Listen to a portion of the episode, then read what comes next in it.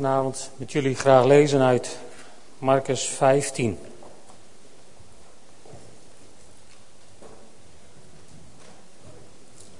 Om te beginnen bij vers 15. Marcus 15, vers 15. Omdat Pilatus de menigte tevreden wilde stellen, liet hij Barabbas vrij. Jezus leverde hij uit om gekruisigd te worden nadat hij hem eerst nog had laten gezelen. De soldaten leidden hem weg, het paleis, dat wil zeggen het praetorium in, en riepen de hele cohort bijeen. Ze trokken hem een purperen gewaad aan, vlochten een kroon van doorntakken en zetten hem die op. Daarna brachten ze hem hulde met de woorden gegroet, koning van de Joden. Ze sloegen hem met een rietstok tegen het hoofd en bespuwden hem en bogen onderdanig voor hem. Nadat ze hem zo hadden bespot, trokken ze hem met purperen gewaad uit, deden hem zijn kleren weer aan. Toen brachten ze hem naar buiten om hem te kruisigen. Ze dwongen een voorbijganger die net de stad binnenkwam, Simon van Cyrene, de vader van Alexander en Rufus, om het kruis te dragen. Ze brachten hem naar Golgotha, wat in onze taal schedelplaats betekent. Ze wilden hem met midden vermengde wijn geven, maar hij nam die niet aan. Ze kruisigden hem en verdeelden zijn kleren onder elkaar. Ze dobbelden erom wie wat zou krijgen. Het was in het derde uur na zonsopgang toen ze hem kruisigden. Het opschrift met de aanklacht tegen hem luidde: de koning van de Joden. Samen met hem kruisigden ze twee misdadigers, de een rechts van hem, de ander links. De voorbijgangers keken hoofdschuddend toe en dreven de spot met hem. Ach, kijk nu toch eens. Jij die de tempel afbreekt en in drie dagen weer opbouwt. Red jezelf toch door van het kruis af te komen. Ook de hoge priesters en de schriftgeleerden maakten onder elkaar zulke spottende opmerkingen. Anderen heeft hij gered, maar zichzelf redden kan hij niet. Laat die Messias, die koning van Israël, nu van het kruis afkomen. Als we dat zien, zullen we geloven. Ook de twee andere gekruisigden beschimpten hem. Op het middaguur viel een duisternis over het hele land, die drie uur aanhield. Aan het einde daarvan, in het negende uur, riep Jezus met luide stem: Eloi, Eloi, lama sabachthani. Wat in onze taal betekent: Mijn God, mijn God, waarom hebt u mij verlaten? De toen de omstanders dat hoorden, zeiden enkelen van hen: Hoor, hij roept Elia. Iemand ging snel een spons halen, doordrenkte die met zure wijn, stak de spons op een stok en probeerde hem te laten drinken, terwijl hij zei, laten we eens kijken of Elia komt om hem eraf te halen. Maar Jezus slaakte een luide kreet en blies de laatste adem uit. En het voorhangsel van de tempel scheurde van boven tot onder in tweeën. Toen de centurio die recht tegenover hem stond, hem zo zijn laatste adem zag uitblazen, zei hij, werkelijk, deze mens was Gods zoon. Een deel van het gruwelverhaal van Goede Vrijdag. Er zijn tegenwoordig diverse boeken in omloop die proberen te beschrijven wat er met iemand gebeurt die zo'n straf moet ondergaan. En als je zulke boeken leest, dan, dan komt het nog, dringt het nog dieper tot je door hoe intens onmenselijk het was wat er met Jezus gebeurde. Om te beginnen liet Pilatus hem gezelen. Dat was op het kruisigen na zo'n beetje het ergste wat je met een mens kon doen. De Romeinen die kenden drie varianten. Paulus geeft aan dat hij een paar keer stokslagen heeft gekregen. Dat was de meest milde variant. Dan werd je met een stok op je achterwerk geslagen, zodat je vol bloeduitstortingen kwam te zitten en een aantal weken ja, niet kon zitten, niet kon lopen. Tenminste, niet zonder dat iedereen zag wat er met je gedaan was. Er werden ook mensen gegezeld met een zweep. Dat deed je met slaven die je nog nodig had. En dan had je het gezelen zoals het hier beschreven staat. Een zweep met in elkaar gedraaide leren riemen en in die leren, in dat vlechtwerk, waren stukjes bot gestoken. En ik weet niet of je je voor kunt stellen wat er met je gebeurt Maar als je gegezeld werd, dan betekende dat dat zijn beschrijvingen van, van geschiedkundigen uit die tijd, dan betekende dat dat je na een, na een goede gezeling kon je van achteren iemand zijn botten zien. Dan was het vel weg, het vlees weg, alles was weg. En aan gezelen ging je dood. Gezelen werd nooit overleefd. Al helemaal niet omdat de gezel voor gebruik niet werd gesteriliseerd. Die was gisteren of eergisteren misschien ook gebruikt. En het was altijd dodelijk. Na een gezeling verloor je zo verschrikkelijk veel bloed dat je behoorlijk snel in shock raakte. Eigenlijk niet meer lopen. Het was dan ook geen wonder dat Jezus op weg naar Golgotha in elkaar stort. Als je rugspieren weg zijn, loop je niet meer zo hard. En zo moest iemand anders dat kruis voor hem dragen. Marcus gebruikt ook woorden die een beetje aangeven hoe de toestand van Jezus was. Want we lezen wel in vers 20, toen brachten ze hem naar buiten. Maar in het Griek staat er eigenlijk, ze namen hem mee naar buiten. Het werd een beetje de indruk wekken van, je moet iemand onder de arm nemen om hem buiten te krijgen. Want op eigen kracht ging dat gewoon helemaal niet meer. En als ze bij Golgotha zijn aangekomen, dan staat er in onze vertaling, ze brachten hem naar Golgotha. Maar eigenlijk wordt daar het Griekse woord gebruikt dat ze hem droegen of sleepten. Terwijl het kruis, de dwarsbalk, voor hem werd gedragen, moesten waarschijnlijk de Romeinse soldaten hem slepen tussen zich in om hem op Golgotha te krijgen.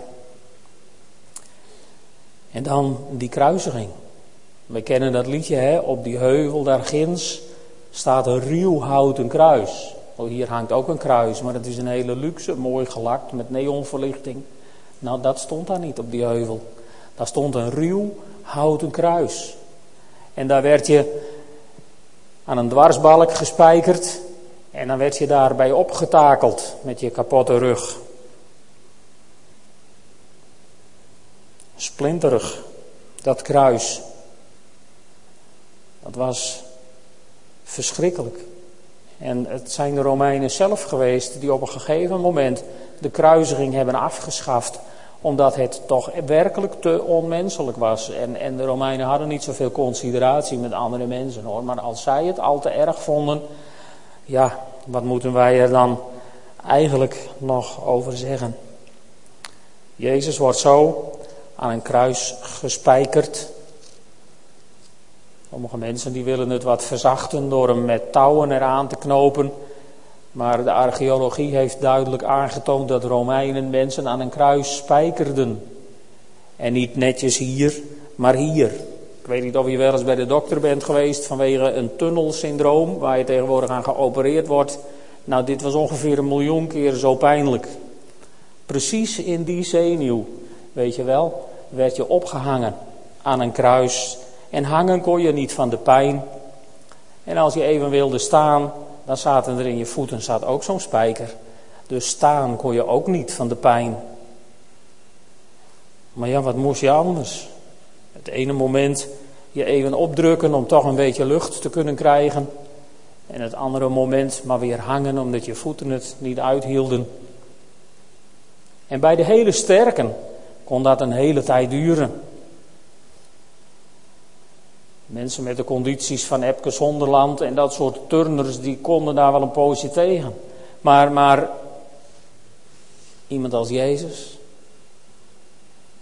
die kon daar helemaal niet tegen. En bovendien was hij gegezeld, zo wreed gegezeld, dat hij waarschijnlijk daardoor sneller stierf dan de gemiddelde gekruisigde. Zou de menselijke uitleg zijn. Maar dan zou ik vergeten wat ik gisteren heb gezegd en wat we afgelopen zondag heb, hebben, hebben gezien. Dit hele verhaal, dit hart van het evangelie, is het meest goddelijk geregisseerde gedeelte uit de hele Bijbel. Jezus ging naar Golgotha. En dan staan daar die fariseërs en die zeggen, anderen heeft hij gered, maar zichzelf redden kan hij niet. Dat was de zoveelste leugen op die dag. Als Jezus één ding had gekund, dan was het zichzelf redden. Jezus had gezegd dat er een miljoenen engelen ter beschikking stonden, ook op deze dag. En als Jezus had geroepen, Vader, ik hou het niet meer, haal me eraf. Dan was hij eraf gehaald. En ik weet niet wat er dan was gebeurd met al die fariseërs. Maar ze zeiden, als we dat zien, zullen we geloven. Nou, dat was het in ieder geval niet geworden. Dan hadden ze wel weer wat anders gevonden om niet te geloven. Want ach, wie van ons komt tot geloof door bijzondere dingen die je ziet? Ik denk dat er veel meer mensen zijn die bijzondere dingen zien omdat ze tot geloof zijn gekomen dan andersom. Dus daar ging het helemaal niet om. Jezus had samen met Vader in de hemel de volle regie over deze dag. En als hij gewild had, had hij zo van het kruis kunnen komen. En weet je waarom hij dat niet deed? Dat deed hij niet omdat hij mij voor ogen had. Omdat hij u voor ogen had op het moment dat hij daar hing. En ik denk dat hij bij iedere aanvechting, bij, en, en reken maar dat de duivel hem ingefluisterd heeft van doe maar, je kunt het. Doe maar, doe maar. Die verleider is er de hele dag bij geweest. En, en Jezus heeft op elk moment van het kruis kunnen stappen. Hebben we ons dat wel eens gerealiseerd? En elk moment als die aanvechting er was om uit dit verschrikkelijke lijden weg te stappen, dan zag hij mijn gezicht, jouw gezicht. Dan had hij ons voor ogen. En daarom bleef hij hangen. Omdat hij mij zag, omdat hij u zag, bleef hij hangen. En onderging hij dit verschrikkelijke lijden, totdat de maat vol was. En toen de maat vol was, toen het voldaan was, toen het volbracht was, toen zei Jezus, het is volbracht. En hij gaf de geest. Er staat in niet één evangelie dat Jezus doodging. Er staat dat hij de geest gaf. En bedoel, wij kennen die term als overlijden. Maar Jezus, in Jezus tijd kenden ze deze term niet als overlijden. Het is namelijk een bijbelse term. Als iemand overlijdt, zeggen wij, nou, hij gaf de geest. Hij gaf de geest niet. Iemand die overlijdt, gaat gewoon dood. Behalve Jezus Christus. Hij ging niet gewoon dood, hij gaf de geest. Hij gaf zijn geest terug aan God de Vader in de hemel. Om te tonen hoe onbeperkt de goddelijke regie was op deze dag. En zijn tegenstanders, die hebben gedacht, ziezo, daar zijn we af. En zijn medestanders, Ja, die hebben ook gedacht, dan zijn we af, alleen vanuit een andere invalshoek. Die hebben ook gedacht, nu is het allemaal voorbij. Drie jaar voor niks. Op het verkeerde paard gewet. Carrière opgegeven. En waarvoor? Hier zitten we nu. Jezus dood, begraven, einde oefening. Op die ene man na, die centurio, die heiden, die door de Joden met de nek werd aangekeken omdat hij een heiden was. Die niet in de tempel mocht, die het heiligdom niet waard was. Die zag het gebeuren. De centurio die rechts tegenover hem stond. En die zei werkelijk, deze man was een godenzoon. Dat zei hij. God kende hij niet. Dus Gods zoon was voor hem ook geen conclusie. Zijn conclusie was de waarlijk, deze man was een godenzoon. Er was toch één die het opviel dat er wat heel bijzonders gebeurde. Deze dag, op die akelige plek, Golgotha, waar zoveel mensen door de Romeinen werden vermoord. Waarlijk, deze man was een godenzoon. En weet je, er gebeurden, er gebeurden wonderlijke dingen op deze dag. We lezen dat het donker werd, middags van 12 tot 3 in onze tijdrekening werd het nacht. Sceptici zeggen, ja, dat was een zonsverduistering. Maar we kunnen tegenwoordig redelijk rekenen. Er was geen zonsverduistering in die tijd. Er was helemaal überhaupt geen verduistering.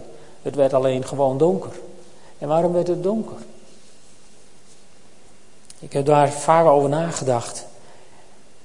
En weet je, ik denk, ik denk dat God, de Vader, voortdurend heeft gekeken wat er gebeurde. Maar toen Jezus aan het kruis hing, toen hing daar alle zonde van de wereld. Inclusief de onze. En onze God is een heilig God. Als onze God geconfronteerd wordt met de aanblik van zoveel zonde, dan is er maar één optie voor onze God. En dat is vuur van de hemel zenden en vernietigen. Maar dat was de bedoeling niet op deze dag. De bedoeling was dat het volbracht zou worden. En ik geloof dat God daarom het licht uitdeed. Om het niet te hoeven zien. Om niet in zijn heiligheid al die zonden te hoeven uitroeien van deze aarde. God deed het licht uit. En hij draaide zich om en keek niet meer. Totdat Jezus het niet langer uithield. En riep: Mijn God, mijn God, waarom hebt u mij verlaten? Het ergste moment waarschijnlijk voor onze heiland. Dat moment, die duisternis waarin God hem ook verliet. Want dat was het moment waar het op aankwam. God zou hem moeten verlaten. En helemaal alleen zou hij aan dat kruis de slag moeten winnen. De slag om uw leven, de slag om mijn leven. De slag om het leven van de mensheid. En hij won. Hij hield vol. Hij won. Totdat hij kon zeggen: Het is volbracht. En weet je, in al dat lijden had hij geen hulp nodig van mensen. In het begin van het verhaal lezen we dat iemand hem wijn met mirre wilde laten drinken. Een soort verdoving, zodat het niet zozeer deed. Waarschijnlijk gebaseerd op iets uit spreuken, dat je mensen die pijn lijden, wijn niet moet onthouden. Dat je ze iets moet geven tegen de pijn. Maar het was, het was menselijk ingrijpen in het lijden van Jezus. En menselijk ingrijpen, daar was geen plaats voor. Jezus wilde geen menselijk ingrijpen op dit moment. Nog zijn geliefden die hem wijn met mirre wilden geven, want de Romeinen die deden dat niet. Maar waarschijnlijk zijn dat zijn volgelingen geweest nog de mensen die zijn lijden wilden verzachten, nog de mensen die zijn lijden verergerden door te spotten, nog wie dan ook. Niemand had enige invloed in het lijden van Jezus Christus. Dit was zijn moment. Dit was zijn dag om voor goed af te rekenen met de macht van de zonde in deze wereld. En de Satan heeft het waarschijnlijk niet begrepen. Op die dag, pas later, toen Jezus opstond. Maar op dit moment hebben alle machten van de hel waarschijnlijk gedacht: ziezo, dat hebben we gewonnen. Maar bij God heb je nooit gewonnen. Bij God kun je je alleen maar overgeven aan Hem. Je toevertrouwen in de handen van de Allerhoogste. Dat is het enige de enige keuze die we hebben. Gewonnen heb je het nooit. Maar verloren heb je het ook nooit als je je overgeeft aan die Allerhoogste God, aan onze Vader in de hemel. Verloren heb je het ook nooit, want Hij heeft voor ons gewonnen. Gisteren heb ik het gezegd, Jezus hing niet aan het kruis voor mij, Hij hing daar namens mij. Hij hing daar in mijn plaats. Hij hing daar in uw plaats.